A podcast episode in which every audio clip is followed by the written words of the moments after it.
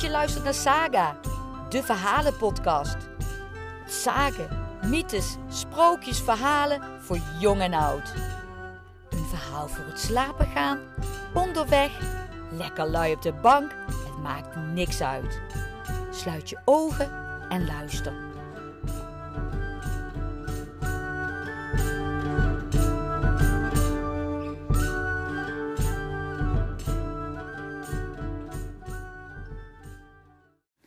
De koningsslang. Een koningsslang die dankt zijn naam aan het feit dat ze soms op giftige slangen jagen. Ze zijn zelf niet giftig. De toevoeging koning die zie je vaker bij dieren die leden van hun eigen groep verschalken. Hij heeft dus geen kroontje en is eigenlijk een kannibaal. De sage komt waarschijnlijk uit Drenthe, rond 1845. Het komt via Duitsland en het adellijke geslacht Lenar, die dan weer uit Italië komt, die woonde in Duitsland. En op hun familiewapen staan drie slangen en twee lelies. Want er werd gezegd dat een man de kroon van een koningsslang wilde stelen. Hij neemt wel een snel paard mee om zo te kunnen ontsnappen en een zuiver wit kleed dat hij dan uitspreidt en waar koningsslangen verzot op zijn om op een schoon wit dingetje hun kroon neer te leggen. Dat gebeurt en de man kan dus via, omdat hij een paard bij zich heeft, snel ontsnappen. Hij pakt dus dat kroontje en hij kan snel ontsnappen aan de meute koningsslangen die achter hem aankomen. En die man zou graaf Linar zijn. Zo zijn er meerdere versies van dit verhaal en soms is er zelfs een link naar de kikkerkoning. Dan trouwt een slang met een prinses en wordt prins. Luister nu maar naar een andere versie over de koningsslang.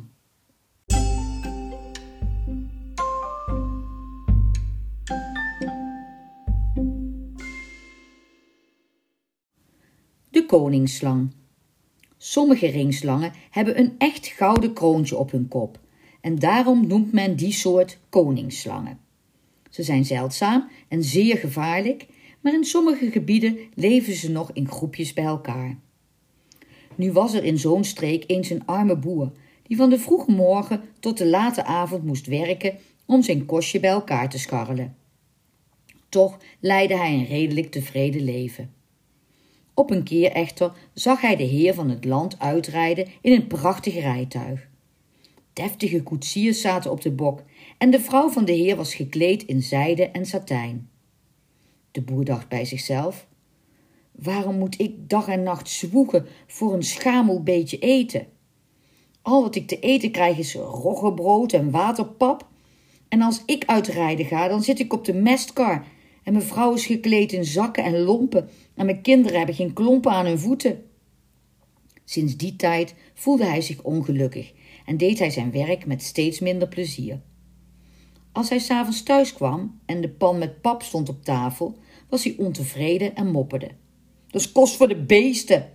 Ik weet zeker dat de heer heel wat anders te eten krijgt. Hé, hey, ik zou daar wel eens door de ramen willen kijken om te weten wat er allemaal op de borden ligt. En nog liever zou ik ervan proeven. Kun je me nou nooit eens iets anders voorzetten dan wat waterige pap? Jawel, antwoordde de vrouw van de boer. Als ik geld had, dan zou ik bakken en braden, dat het water je uit de mond loopt. Maar zonder geld verkopen de bakker en de slager nu eenmaal niets. Zo, zei de boer, dus ik moet geld hebben.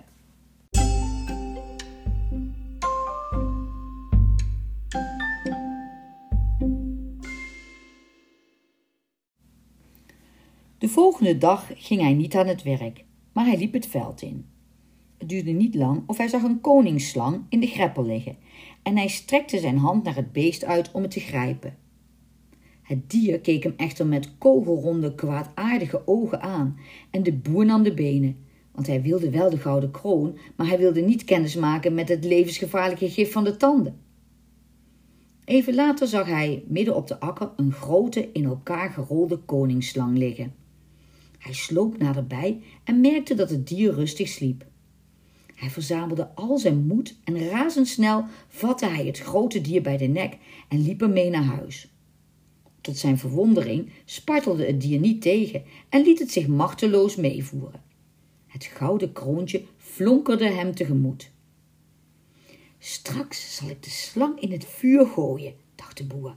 En als hij verbrand is, dan hoef ik het goud maar uit het as te rapen en dan mag ik eindelijk eens wat anders eten dan pap. Ja, ik zou zelfs een koetje kunnen kopen en dan krijg ik melk en boter en kaas. Toen hij geluiden hoorde die hij niet kon thuisbrengen, bleef hij stilstaan en keek om zich heen. Wat was dat? Van alle kanten, heel langzaam, gleden er koningsslangen op hem toe, ieder met een gouden kroon op de kop. Ze hadden hun gespleten tongen al naar hem uitgestoken en zonder te sissen en te blazen kropen ze voort, met hun glasachtige ogen naar hem starend. Hij wist niet naar welke kant hij moest kijken. Hij wilde vluchten, maar hij stond als vastgenageld aan de grond. De slangen sloten hem in. Het leek of alle koningsslangen ter wereld, duizenden, ja miljoenen exemplaren op hem afkwamen, boos om de roof die hij plegen wilde. Hij begreep niet hoe ze van zijn voornemen wisten.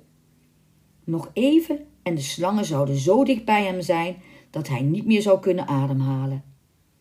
Aan zijn voeten zag hij het gefriemel van de talloze kruipende dieren en rillend over heel zijn lichaam probeerde hij zich een weg te banen door die samengehoopte massa. Hij zag slangenlijf glijden over slangenlijf en hoewel elk dier anders kromde en kronkelde, scheen het de boer toe alsof de onontwarbare kluwe dieren één wanstaltig lichaam met talloze uitsteeksels was. Dit gaf hem een gevoel van grote angst en afschuw, zodat hij de slang, die hij al die tijd nog in zijn hand had gehouden, liet vallen. Het gouden kroontje rolde over de grond. Zodra dit was gebeurd, week de slangenmassa uiteen, en elke slang zocht zijn eigen weg over de koude, donkere aarde. De boer zag dat er geen dier bij was zonder gouden kroon, en wanhopig sloeg hij zijn handen voor zijn gezicht. Zoveel rijkdom onder handbereik, zonder dat hij er iets van kon nemen. Wee mij, moet ik dan altijd arm blijven, mijn hele leven lang? En zal ik mijn rug moeten bukken van zonsopgang tot zonsondergang, terwijl ik niks anders te eten zal krijgen dan pap? Nog een paar passen en ik was thuis geweest. Waarom ik niet en een ander wel? Toen begon hij luid te klagen, maar zijn woorden verwaaiden in de wind. Toen hij s'avonds laat thuis kwam, nog nabibberend van zijn avontuur, zette zijn vrouw een bord dampende pap voor hem neer. En dit keer at hij zijn maal zonder te mopperen.